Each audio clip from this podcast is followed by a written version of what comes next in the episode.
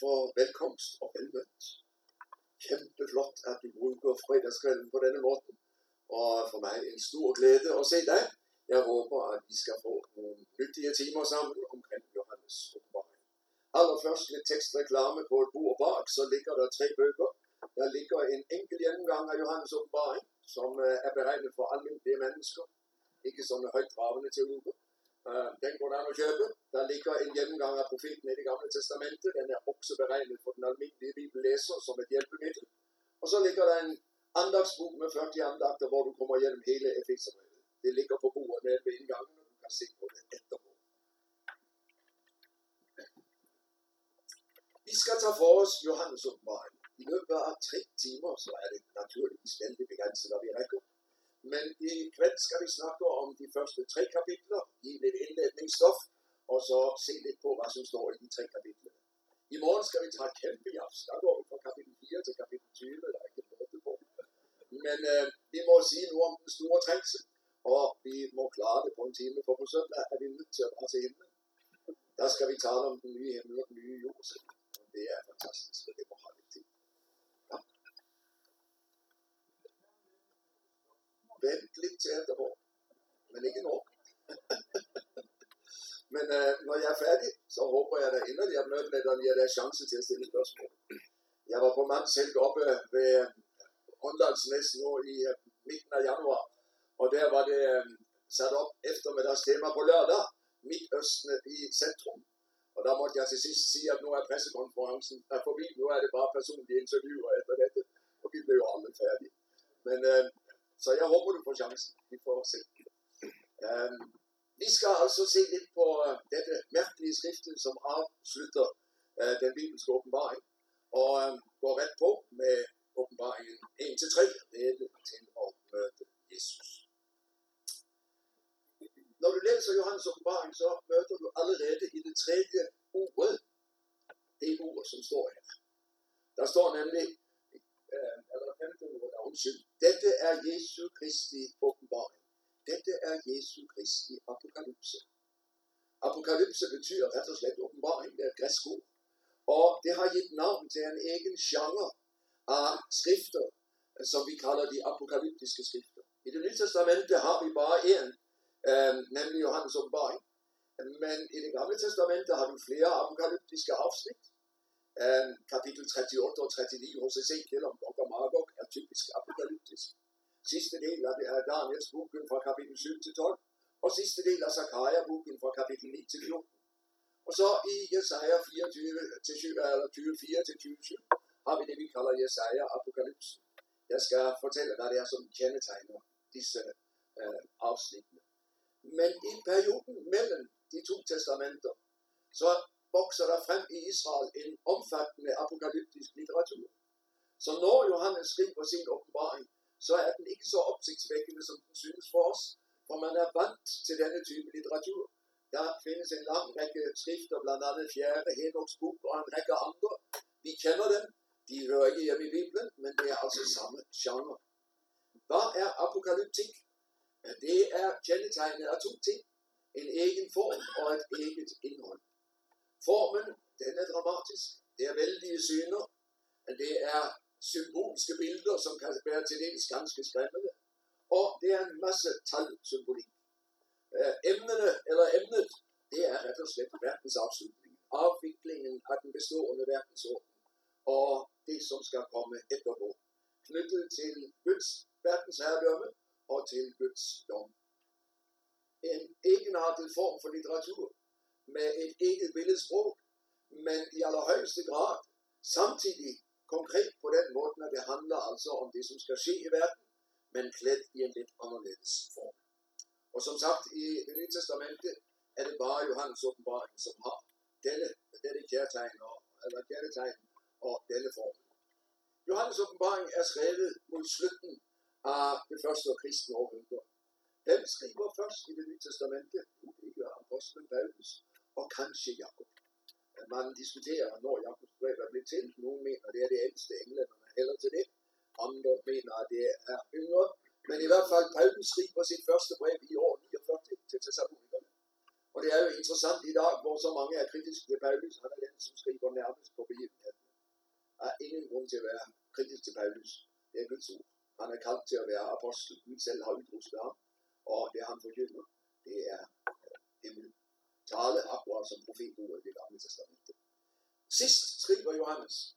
Uh, hvorfor han venter så længe, det ved ikke jeg. Kanskje han har haft for travlt. Men i hvert fald på sine gamle dage, så skriver han brev, så skriver han evangelium, og så skriver han Johannes åbenbaring.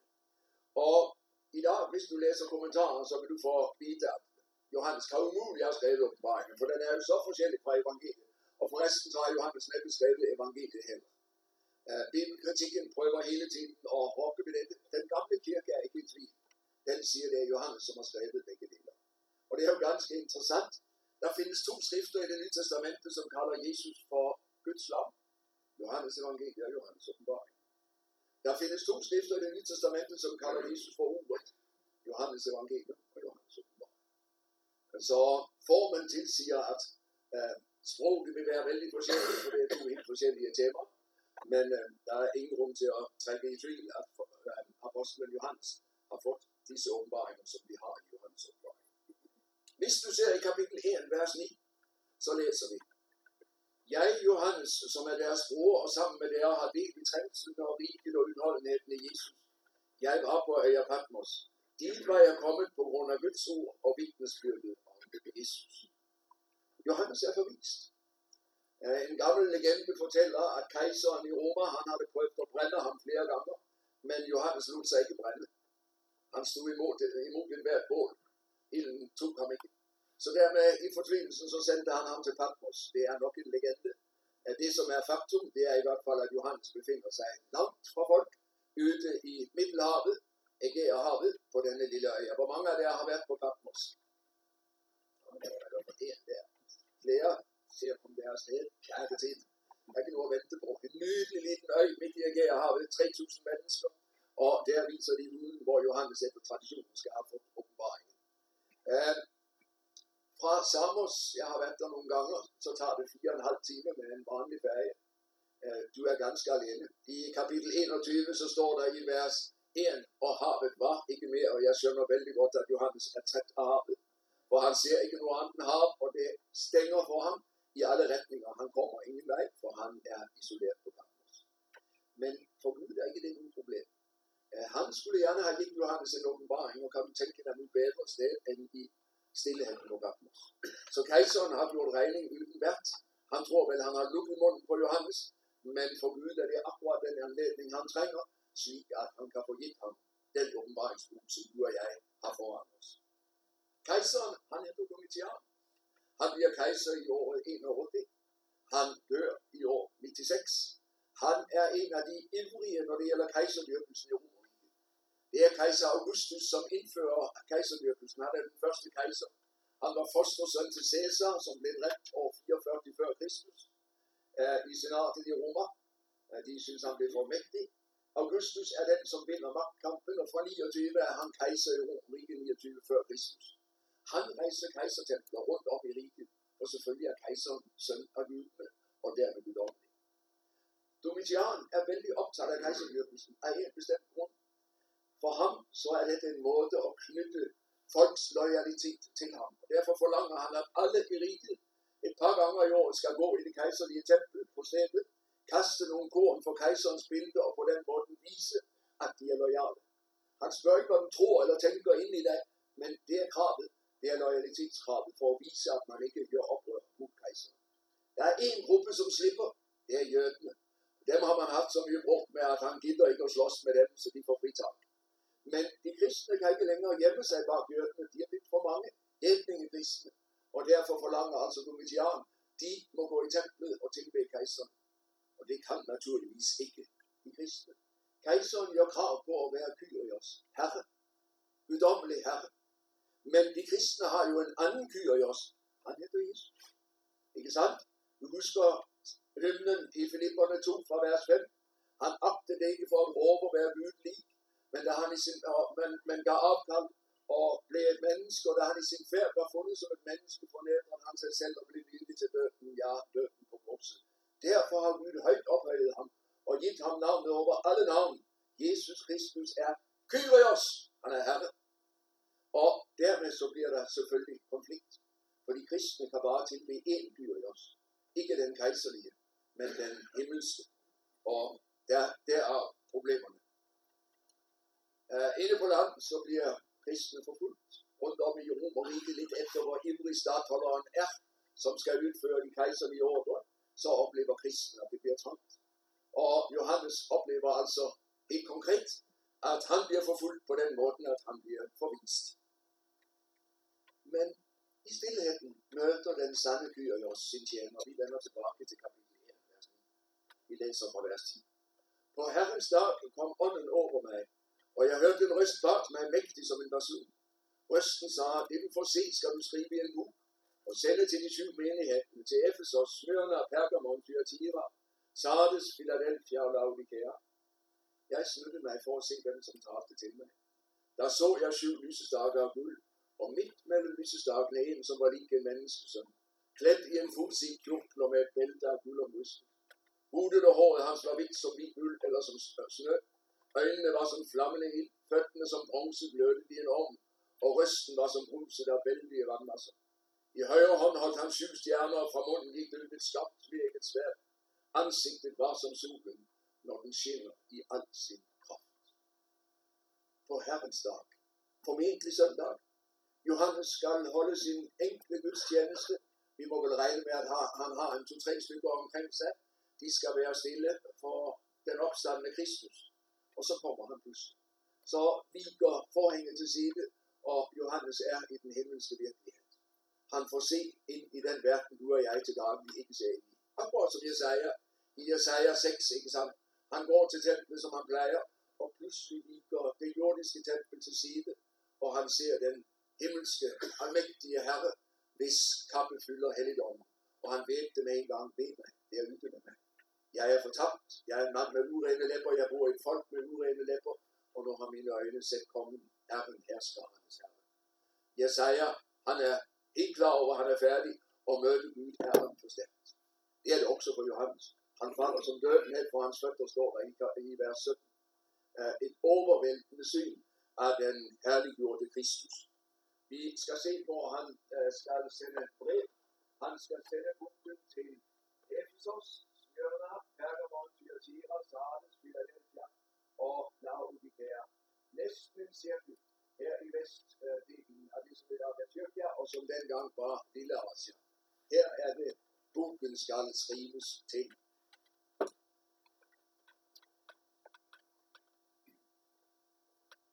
Boken bruger kodesprog de som er gamle nok, det er ikke så mange af deres med det, de ved at under krigen, så havde folk leveret ind radioene sine, eller i hvert fald de skulle have gjort det.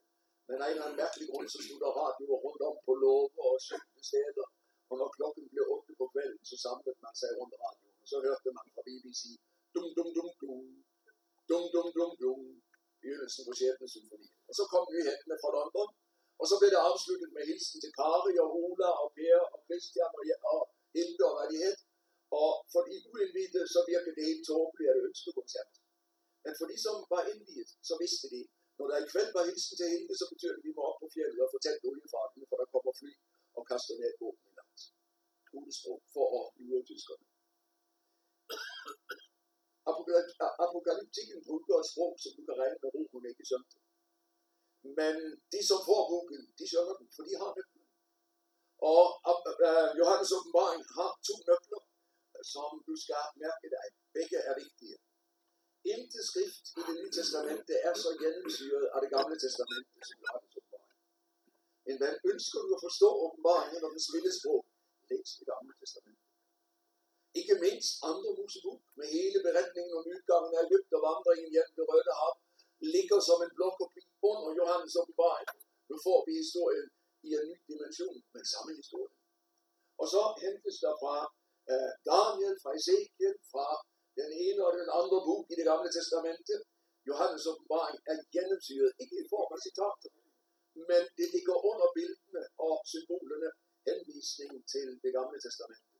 Er du godt kendt i det gamle testamentet, så har du chancer til at forstå noget af det, som siges i denne mærkelige boken. Både når det gælder bildene og når det gælder tallene. Den andre nøglen hedder Jesus. Johannes åbenbaring er en Jesus-bog.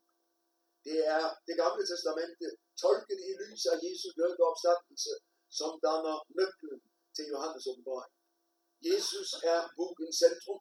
Det er ham, som møder Johannes. Det er ham, som giver ham sine. Det er han, som åbner vejen til fremtiden. Og det er han, vi skal møte ved enden af vejen. Han venter på det. En dag skal jeg se ham, som han er, og blive ham skriver Johannes i 1. Johannes 3. Jesus og det gamle testamentet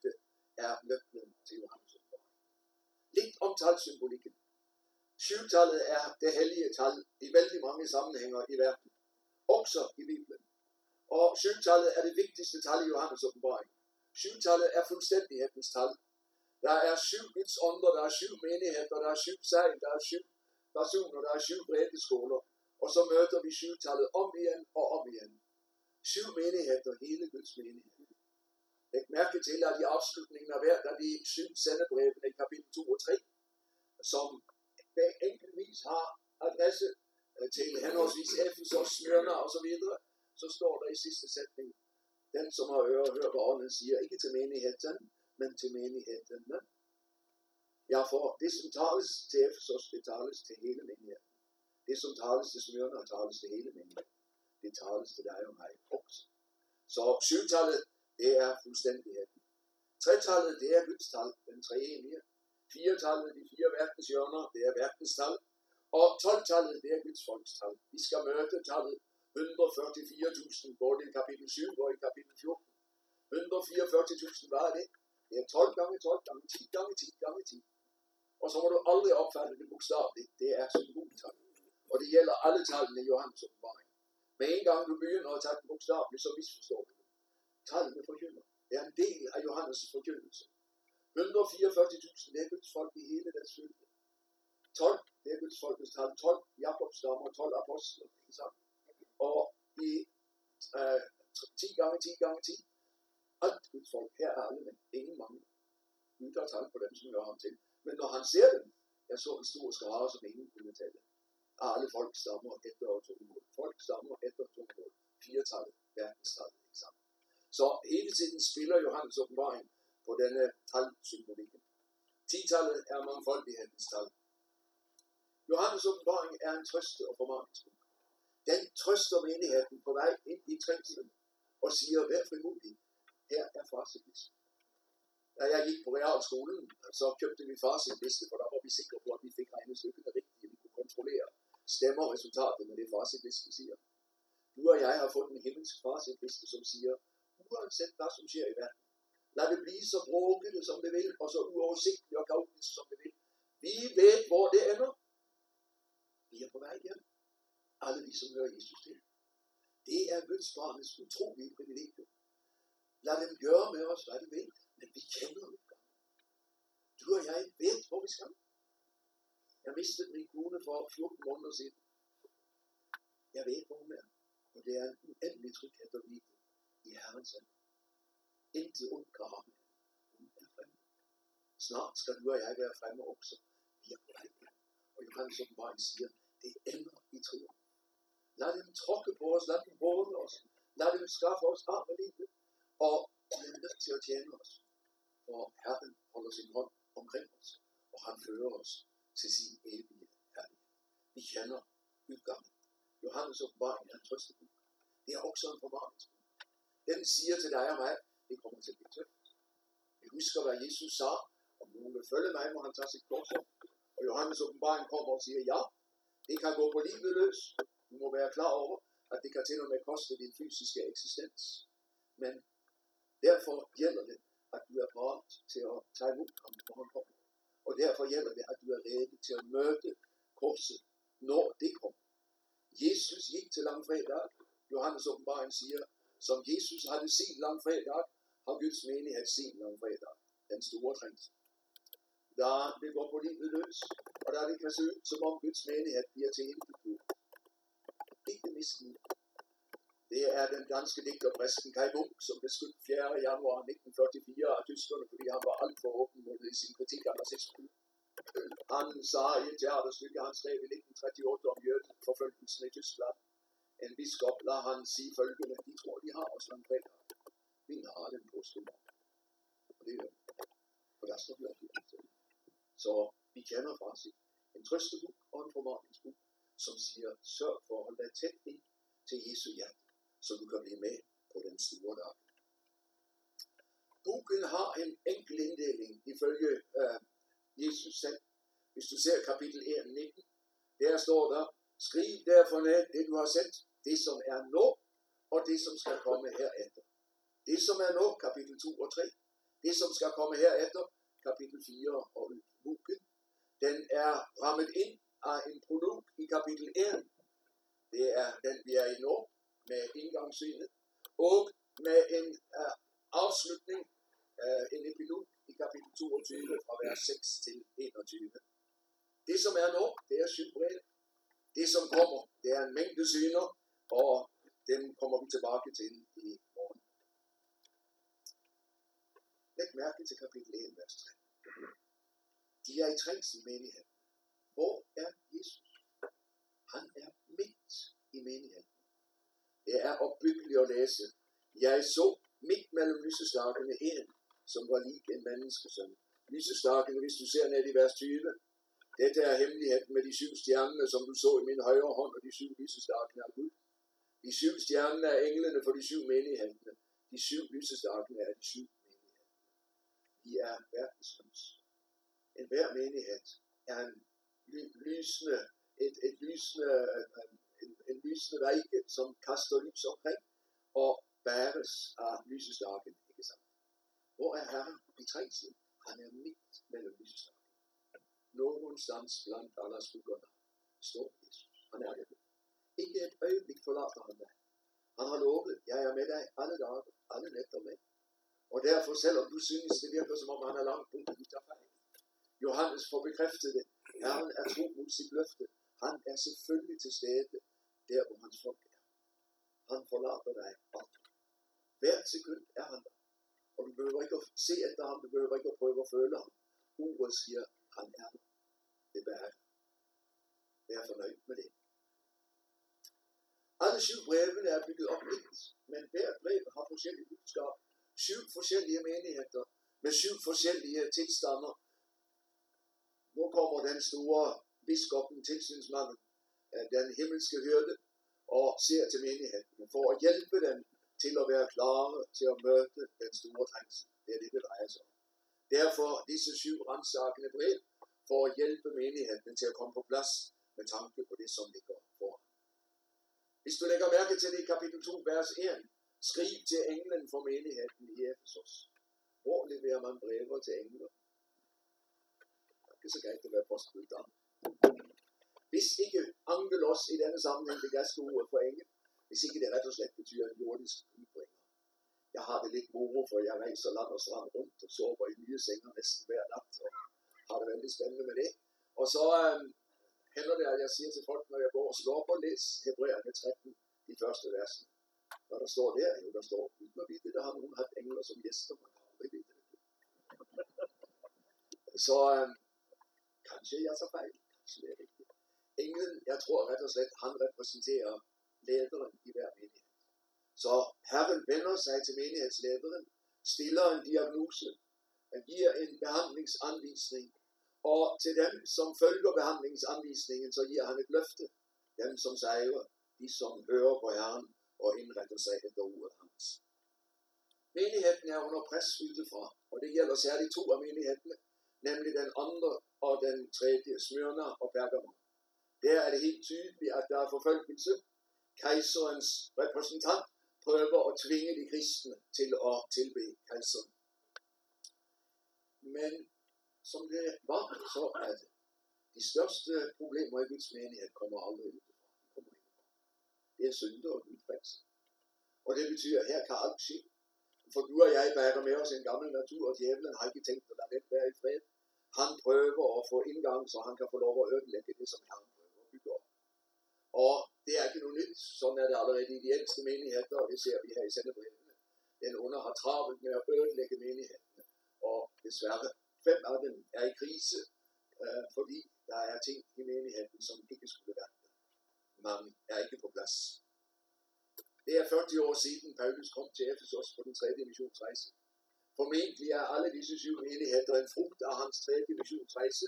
Vi ved helt konkret, at menigheden i Kolosse blev grundlagt som følge af Paulus virksomhed i Efesos. Folk kom ind til den store havnebyen på vestkysten af Lille Asia, og så tog de med sig evangeliet hjem. Og på den måde blev menigheden i Kolosse grundlagt, på den måde blev sikkert alle disse menigheder grundlagt.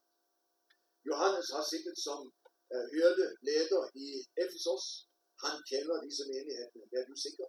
Og nu bliver han altså sat til at skrive til dem om den situation, som han, som har øjnene som indskuer, han kan afsløre i den enkelte menighed. Til fem af menighederne så lyder det rett og slett et stærkt omvendelseskald. De trænger at komme på plads, for de er kommet ud af ret position. De er ikke redde til at møde Jesus. Bare lige et rum for? Ja, lad os se lidt på de fem, og så slutter vi med de to, som ikke får tugt. Der er to menigheder, som ikke får høre ven om. Vi tager dem til slut. Vi begynder forfra med Efesos. Denne menighed, som har en så vigtig vækkelse, du kan læse om det i Apostelgjerningen 19. Det er jo der, hvor man til og med i Efesos er ret for, at geschæften med at lage afbildsbinder af den store Artemis, den er truet, ikke sandt? Og derfor så mødtes man på stadion og råber i to, to samfulde timer, stor af Efesernes Artemis. Paulus er truet på livet. Øh, uh, vækkelsen har haft et enormt gennemslag. Der er gået 40 år. Og i løbet af 40 år, så ser vi det. Hvad har sket i Efesos? Vældig mye positivt. Det er med mig fra vers 2. Jeg ved om dine gerninger, dit stræb og din udholdenhed. Jeg ved også, at du ikke kan tåle de onde. Du har prøvet dem, som kalder sig apostler, men ikke er det, og du har fundet, at de er løgnere. Du har holdt ud, du har tålt mye for mit navns skyld, og ikke gået træt. Og når det er vers øhm, 6, men du skal have hus for, at du hater Nikolainernes gerninger, slik jeg selv gør. Mye positivt i Efesus. En flot årsberetning øh, så langt. Men så kommer det i vers øh, 4. Men dette har jeg imod dig. Du har forladt din første kærlighed. Tænk på, hvor du stod, før du fandt. Men om at gøre de gerninger, du gjorde før. Ellers kommer jeg til dig jeg tager lysestakken i nu, hvis du ikke vender om. Hvad er problemet? Hvem er den første kærlighed? Ja, der er bare en, som kan være lige om den første kærlighed, når det gælder troen på Jesus. Og det er Jesus selv. Han vil have centrumspladsen. Han er ikke fornøjet med at være nummer to eller tre. Han vil have førstepladsen. Vi husker Martha og Maria. Martha, vi gøre deg og uro med mange ting. Et er nødvendigt. Maria har valgt den gode del, og den skal ikke tas fra hende. Martha, du har prioritet feil. Og det er helt tydeligt, at det har de gjort i Efesos. Jamen, de står jo imod fremlærte. De står imod det, som er ondt, og de er udholdende i tjenesten. Hvad er det, som kan tage Jesus fremad, når jeg arbejder midt i missionen, og til synlædende har alt på det tørre? At tjenesten tager, tager, tager, hans plads, som har kaldt mig til tjenesten. Jeg aner, at det er det, som er sket i Efesos. De har fået så travlt med alle møtene, med all virksomheden, med all aktivitet, at Jesus er lige så stille blitt skjøvet ut undervejs. Det går an det. At blive så travl i sin missionsvirksomhed, at jeg glemmer det, som er vigtigere. Jeg fik lov at opleve et utroligt godt ægteskab med en fantastisk jente. Hun gav mig gaver mange gange. Men den største gave, hun gav mig, som ikke nogen kunne erstatte, det var naturligvis, at hun gav mig sig selv. Og det bedste, jeg kunne give hende, det var ikke penge, det var ikke oplevelser, det var ikke kjoler eller parfume eller noget sånt. Det var, at jeg havde tid for hende, så vi kunne dele fællesskab. Ingenting kan erstatte den indre linjen mellem de to mennesker. Og jeg aner, at det er der, det har gjort sig i grøften i Efesos. Midt i al iveren, midt i alt det positive, så tog det ret og slet overhånd, slik at han kan være fremme i sin menighed. Bed om, ellers kommer jeg over dig og flytter lysestakken. Hvad skal vi med en lysestakke uden lys? Den har ingen funktion. Den kan fjernes. Lyset er i fald med at slukke det Efesos. Midt i alt det vellykkede, midt i alt det, som er bra. Midt i renlærigheden, midt i iveren. Og så blev Jesus en fremmed blandt sine egne. Min ven, lad mig få lov at citere den gamle kinesiske høvding, uh, missionshøvdingen. Uh, øh, han var europæer, haft som taler. Han som satte i gang Kina Indland Mission. øh, og som kaldte tusinder af ungdommer til at missionere i Kinas indland. Han havde et godt råd at give de unge kinesiske, eller de unge europæiske kvinder, som kom til Kina. Han sagde til dem to ting. Vis de kinesiske kvinderne kærlighed, og giv Gud den bedste tid på dig. Giv Gud den bedste tid på dig. Lad ham, som du elsker, og som elsker dig, få lov at være centrum i livet dit. Det var det, Maria havde søgt. Intet er nødvendigt. Intet kan erstatte samværet med ham. Det er til selvprøvelse for os alle sammen. Hvor er du henne i forhold til Jesus? Ja da, du er ivrig, du er med. Men er han centrum i livet dit? Det er til selvprøvelse og til omvendelse, hvis han ikke er det. Tilbage ind i det rette forhold til ham, så han får lov at være livskilde og grund og den du bygger an på. Det er fra ham, du skal hente alt du trænger til. I Pergamon, så er det ikke øh, problemet med den første kærlighed. I øh, Pergamon kapitel 2, vers øh, 12, så står der slik. Dette siger han, som har det skarpe tvækket svært. Jeg ved, hvor du bor, der hvor Satan har sin trone. Likevel holder du fast ved mit navn, og du har ikke fornægtet troen på mig. Så er det disse bladene der. Ikke engang i de dager, da Antipas, mit trofaste vidne, blev slået ihjel i byen deres, der Satan bor. Men nu har jeg imod dig. Du har hos dig nogen, som holder sig til Bibliams lære, han som lærte Balak og sætte en fælde for Israels folket, så de spiste afgudsoffer og drev. Så har du også nogen hos dig af samme slag, de som holder sig til Nikolaitenes lære. Vend om, ellers kommer jeg snart til dig og vil kæmpe mod dem med sværdet, som går ud af min du bor der, hvor Satan har sin trone. Pergamon var stedet, hvor den romerske stadholder i provinsen Asia havde sit sæde. Øh, så der kan du regne med, at Ibon for at få alle til at tilbe kejseren er stærkest, for her bor kejserens nærmeste repræsentant. Samtidig ved vi, at netop i Pergamon var der et enormt alter for den græske hovedguden Zeus. Øhm, så både dette afgudsaltre og stadholderen øh, repræsenterer vel satans trone og siger, at det er tøft at være kristen i Pergamon. Du er midt i modstanderens rejer, og det er sandelig ikke enkelt at skulle være kristen da. Og derfor er det flot, at du holder fast ved min ord og ikke fornægter mit navn. Men hvorfor holder du hånden over det, som du burde have taget afstand fra? Hvorfor tillader du synden at få lov at udfolde sig? Hvad drejer det sig om? Nikolaj Ittene, Balaam og Bileam. Balaam og Bileam Læs 4. Mosebog fra kapitel 21 og udover. Og så kan du læse om Biliam, som bliver tilkaldt af Moabiterkongen for at forbande Israel, og som er nødt til at velsigne dem. Og til sidst bliver kongen så rasende, og han sender ham hjem uden penge. Men Biliam giver ham et råd. Send de moabitiske kvinder ind blandt de israelitiske mænd. Så skal du se, der bliver fart på saken, og det blev der. For det blev for fristende. Og dermed så fik afgudene pludselig plads i Israels lejr. Og Guds dom rammer Israel.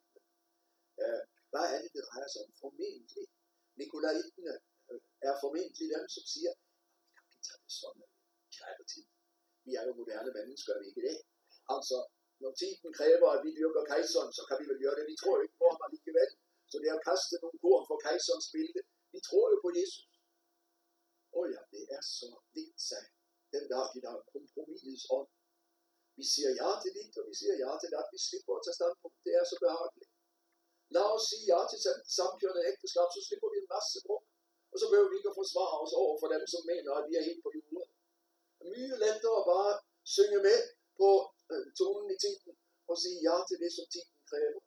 Og slippe korset. Jeg aner, at det er det, Nikolaitene driver med. Og det er dette, Herren angriber i Pergamon, og endda mere i Thyatira. For der er situationen den samme, bare mye værre, hvis du ser over i vers 20. Men dette har jeg imod dig. Du tåler denne kvinde Jezabel, hun som kalder sig profet, men som med det hun lærer lokker mine tjenere til at drive ud og spise arbejdsoffer. Jeg har givet hende tid til at vende om, men hun vil ikke omvende sig fra sit hoveri. Se, nu kaster jeg hende på sykeseng, og de, som begår ægteskabsbrud med hende, kaster jeg ud i stor nød, der som de ikke vender om fra hendes gerning. Hun lokker mine tjenere til at spise, øh, drive hår og spise afgiftsoffer. Læs 1. Korintherbrev kapitel 8, 9 og 10. Og så vil du se, hvad det drejer sig om. nye kristne, unge menigheder, midt i en hedensk virkelighed, om de der arbejdstempler. De havde sit håndværk, og laugets, øh, lauget havde altid en skytsgud, en eller anden hedensk skyld, og nogle gange i år, så mødtes man i Gudens tempel for at tilbe, for at feste og for at dyrke fællesskab med hverandre. Der spiste man afgudsoffer, og i disse templer var der mange, både mandlige og kvindelige prostituerede, så vældig ofte blev fuldt op også med ord. Helt konkret. Men så ved vi jo, at det gamle testamente kalder afgudsdyrkelse for ord også. Det drejer sig formentlig om det samme. Jeg tager tage synden så nøje. Kærke til.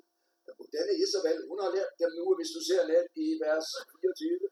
Men der er andre i Thyatira, alle som ikke følger denne lære, og ikke har kendt satans dybder, som vi kalder det. Til der siger jeg, jeg lægger ikke nogen ny byrde på dere. Er det Isabels forkyndelse?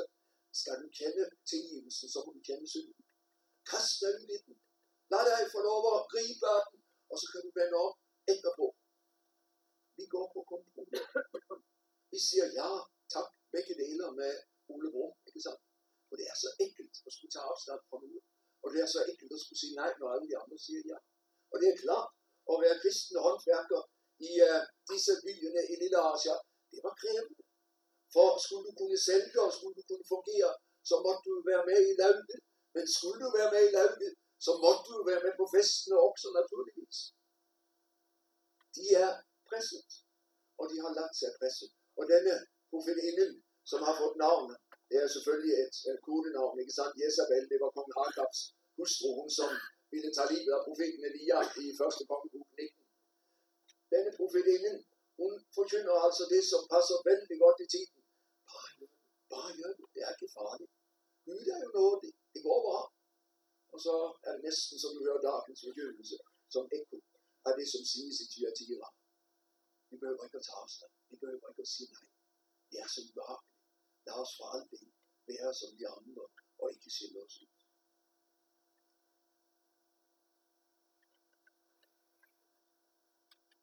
Sardes er en anden situation. Her er der ikke nu om at gå på kompromis. Men i Sardes er situationen også vemodig. Se vers 1. Skriv, nej, vers 2. Jeg ved, nej det er vers 1. Skrig til englen fra menigheden i Sardes. Dette siger han, som har de syv Guds ånder og de syv stjerner. Jeg ved om dine gerninger. Det hedder om dig, at du lever, men du er død. Du er død. Facaden er jo, i Sardes er alt bra. Ingenting at sætte fingeren på. Flot forkyndelse, flot korsang, fin mødelæggelse, nydelige, nydelige samlinger, alt fungerer. Det er så fint. Men livet er godt. Det hele er facaden. Det handler om at ses. Det, som gemmer sig bag facaden, det vigter om stillstand og død. Sardes lå på en høj klippe. Fra tre sider var der fuldstændig stejlbræt op til byen. Bare på den fjerde side var der vej ind til byen, og der var der naturligvis fæstning og port, som blev stængt om natten, så ingen uvedkommende skulle komme ind. Historien ved at fortælle om to gange, da romerske soldater klatrer op af de bratte fjeldvæggene og kan gå ret ind, for der er ingen, som vogter byen på de siderne. Men de er jo trygge. Ja. Og dermed så er man død. Man lever i en falsk tryghed. Det går an at blive så tryg i sin kristentro, at kristentroen rett og slet falder i søvn. Har du nogle gange prøvet at finde ud af, når du falder i søvn om kvelden? Det klarer du ikke at finde ud af, før du går om morgenen. For ingen af os armer, når du går fra vågen til sådan en tilstand. Det sker så mærkeligt. Og jeg har den herlige svigerfar, og han lader sig på sofaen, vi hørte alle sammen, han snorkede, og vi sagde til ham, du snorkede, så nej, han så ikke, ikke tale om. Men alle så jo og hørte jo, at han gjorde det. Ja, det er, er livsfarligt at falde i søvn, og det går som en Pas på, at du ikke har facadekristendom. At livet er livsforbindelsen med Jesus. Den er afgjort. Den sidste menighed, vi skal nævne i denne sammenhæng, det er menigheden i Laudikære. Og det er den, som får den tøffeste tiltale. I Laudikære er man vældig tilfreds. Hvis du ser ned i vers 17 i kapitel 3. Og du siger, jeg er rig, jeg har overflod og mangler ingenting. Men du ved, ved ikke, at netop du er elendig og ynkelig, fattig, blind og naken. Det er nydeligt at være rig, er det ikke det? Jeg er blevet så gammel nå, at når jeg er alene, så bruger jeg lite penge, og det betyder, at jeg har mye penge på konto. Det betyder også, at jeg er så heldig, at jeg kan give nye kollekt. Er ikke det nydelig? Ja, ikke samle til dig selv. Du får det ikke med dig alligevel. Men det er en god følelse at opleve, at du ikke er nødt til at snu på stillingen, at du har rigeligt. Jeg er rig. Jeg trænger ikke til nu. Jeg har overflod. Det er situationen i Laudikea, vi har det vældig godt. For er der nogen menighed, som virkelig fungerer, som virkelig har mønsterprædikanter, superprædikanter og superkor, så er det i vi kære oh, de er så rige, de er så åbne på. Men de er blevet så flinke, at de ret og slet ikke har brug for Jesus længere. Hvor befinder han sig? Hvis du ser ned i kapitel 3, vers 20. Se, jeg står for døren og banker. Han, som skulle være livskilden og centrum, han er blevet placeret på gangen. Og der står han og banker på, om han kunne få lov at komme ind igen. Jeg er ikke sikker på, at de hører ham, for sangen er vel så høj, og jublen over de flotte prægner er vel så stærk, at jeg ikke er sikker, at de opdager, at Jesus ikke er der. Du siger han. Læg nu mærke til, lunkenhed, det er ikke en følelse. Jeg har mødt mange kristne, som siger, åh, jeg kender mig så lunken. Det er vældig uinteressant, hvad du kender følelser, de skifter akkurat som sygen, ikke sant? Men lunkenhed, det er en tilstand. Det er den tilstand, hvor jeg kan selv ud Jesus. Og den, som er lunken, vil som regel ikke være klar over det. For han vil være så fornøjet med sig selv og sin kristendom, at han ikke aner, at han tilhører dem, som Jesus kalder lunken. Jeg har det her sagt, så længe du kender dig lunken, så er der håb for dig. Det er den dag, hvor du ikke kender lunkenheden længere, men ved, at der er nogen kristen, så er det mig, der virkelig er fare på verden. Du er blevet selvsikker, og selvsikkerhed, det er død på tro. At være en kristen, det er at være helt afhængig af Jesus. Og leve i hans nærhed hele tiden. Det er ikke et krav, det er noget, du og jeg får lov at være. Og det er forfærdeligt, hvis jeg bliver så selvhjulpen som kristen, at jeg kan køre hele min kristendom alene uden Jesus. Der er det virkelig et bedrag, et selvbedrag. Lunkenhed er selvbedraget. Og læg mærke til, hvad Jesus siger i vers 19. Jeg refser og i rettesætter alle dem, jeg har kær. Lad det blive alvor på vende op. Hvorfor taler Herren stærkt til Laudikea og Sardes og Pergamon og Thyatira og Efesus? Fordi han elsker menigheden. Han har ikke råd til at miste det. Fordi han elsker dig og ikke har råd til at miste det. Og derfor tillader han gennem ordet, at du bliver stillet over for selvprøvelse. Der fandtes rundt 1830 i Christiania en brødremenighedsforkynder, som hed Holm. Han var dansk, og han rejste tilbage til Danmark. Men mens han var i Norge, så skrev han en liten salme. Og salig er den lille flok, som Jesus kendes ved. Og i andre verser så synger han følgende. Men Jesus, er jeg en af dem? Vil du mig kalde din? Står jeg for dig som hele fem med lys i lampen? O, lad mig ej til hvile gå, før derom jeg kan vise på. Før du kan få det svar af mig. Du ved, jeg elsker dig. Hvem er centrum i livet? Jeg lever i et ord i Johannes evangeliet 3. kapitel, vers 27. Og jeg beder om, at det må få lov at være mit løsningsord stadig. Det er Johannes Døberen, som siger, et menneske kan slet ikke tage, uden at det bliver givet ham. Skal du og jeg have noget at give til de andre, så må vi få det. Vi har ikke noget at. Men Jesus har. Ind i Jesus afhængighed. Bliv i mig, så bliver jeg i der. Og så bærer du med i Men kan du køre kristendom uden Kristus, Ja, er det så Ja, er det på farligt færd ud over slutten. Derfor tillader Herren altså, at menigheden må prøve sig selv, og derfor prøver han dem for at hjælpe dem til at være i et livsfællesskab med ham, som betyder, at de har del i det evige liv, og de kan tåle forfølgelsen, som er der og som kommer. Du og jeg er helt afhængige af at være der, om Herren skal holde os fast. Og i dag indbydes du til at søge ham. Vi skal afslutte med de to menigheder, vi ikke har nævnt nemlig menigheden i, uh, i uh, Smyrna og menigheden i Philadelphia. Menigheden i Smyrna er direkte modsat af Laudikea-menigheden. I Laudikea-menigheden siger man, de er rige og ved ikke, at de er fattige. I Smyrna så siger han, du er fattig, men du er rig. De er under trængsel. De oplever fængsel for Jesus skyld. De oplever forfølgelse for Jesus skyld. Men i den fattigdom, så er de blidt så afhængige af Jesus. Og derfor så står de vældig godt, og der trænges ikke at sige nu om omvendelse, hvis du ser kapitel 2 fra vers, øh, 6, fra vers 8. Vi læser fra vers 9. Jeg ved om de trængsler, du må lide, og hvor fattig du er, men du er rig. Jeg ved også, at du bliver spottet af dem, som kalder sig jøder, men ikke er det, for de er satans synagoge. Vær ikke redd for det, du skal lide. Djævlen skal kaste nogen af jer i fængsel for, at der skal blive sat på prøve. Og i 10 dage skal der lide trængsler. Vær tro til døden, så skal jeg give dig livets sejrskrans. Læg mærke til, hvad Herren siger. Han siger, det er rike, fordi det er afhængigt af mig. Og så siger han, og det er værd at mærke sig, vær ikke redd for det, du skal lide. Jesus har aldrig lovet, at vejen skulle være enkel. Han har aldrig sagt, at vejen skal gå ud med lidelse. Hvis du tænker det, så tænker du fejl. Vær ikke redd for det, du skal lide. Du kommer til at lide. Du bliver kastet i fængsel. Og for nogle af jer bliver det martyrium. Vær tro til døden, så skal jeg give dig livets sejr. Herrens løfte er ikke et let liv. Det er ikke et behageligt liv. Det er ikke et liv uden modgang. Herrens løfte er et evigt liv. Og det er det, han har lovet dem i Smyrna, og det er det, han lover dig og mig. Når Jesus er livscentrum og livskilde, så ejer jeg det evige liv. Men altså ingen frihed fra trængsel. Tværtom, netop i det jeg følger Jesus, må jeg regne med, at det koster. Hvad siger Herren til dem? Han siger, øhm, vær ikke redd, vær tro til døden.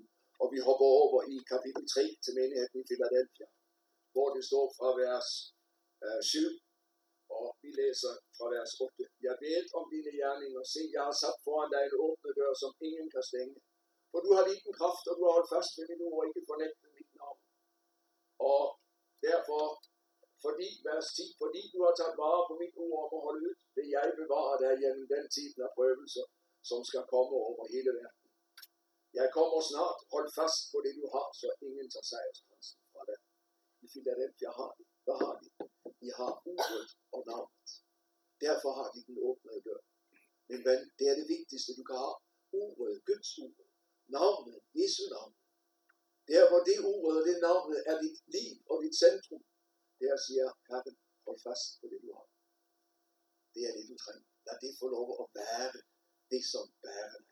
Og jeg synes det er et vidunderligt løfte her i vers 10. Fordi du har taget vare på mit ord om at holde ud, vil jeg bevare dig. Læg mærke til det ordspillet. Fordi du har taget vare på mit ord, vil jeg tage vare på dig. Hvordan?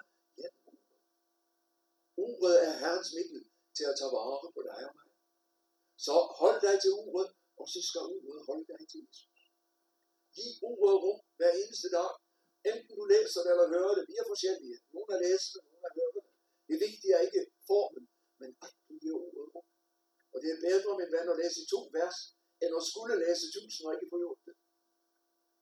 Ikke forløft dig på bibellæsning, men sørg for, at Guds ord igen og igen får lov at trænge igennem din tanke, fylde dit hjerte, og på den måde give ånden adgang til dig, så han kan få lov at gøre Jesus ord for dig. Ordet er ikke et krav. Gud står ikke med pegefinger, har du læst i dag. Han står ikke med stoppeklokke, hvor mye læste du. Han er den gode far. Han er ikke ute for at presse ordet på dig, men han har dækket et vidunderligt rigt matbord midt i verden, og du skal få lov til daglig at vende dig til dette matbord og hente af de fede retter. Guds ords vidunderlige retter. Ta et løfte og bær det med dig ind i dagen. Og nogle gange husker du, hvad du har læst, og nogle gange husker du ikke. Men der, hvor ordet får rum, har den hellige ånd nu, han kan arbejde med i din bevidsthed. Jeg er så heldig, at jeg har fået lov at besøge mange gamle og mange syge. Og det slår mig igen og igen, hvordan de fortæller mig på de tunge dagene.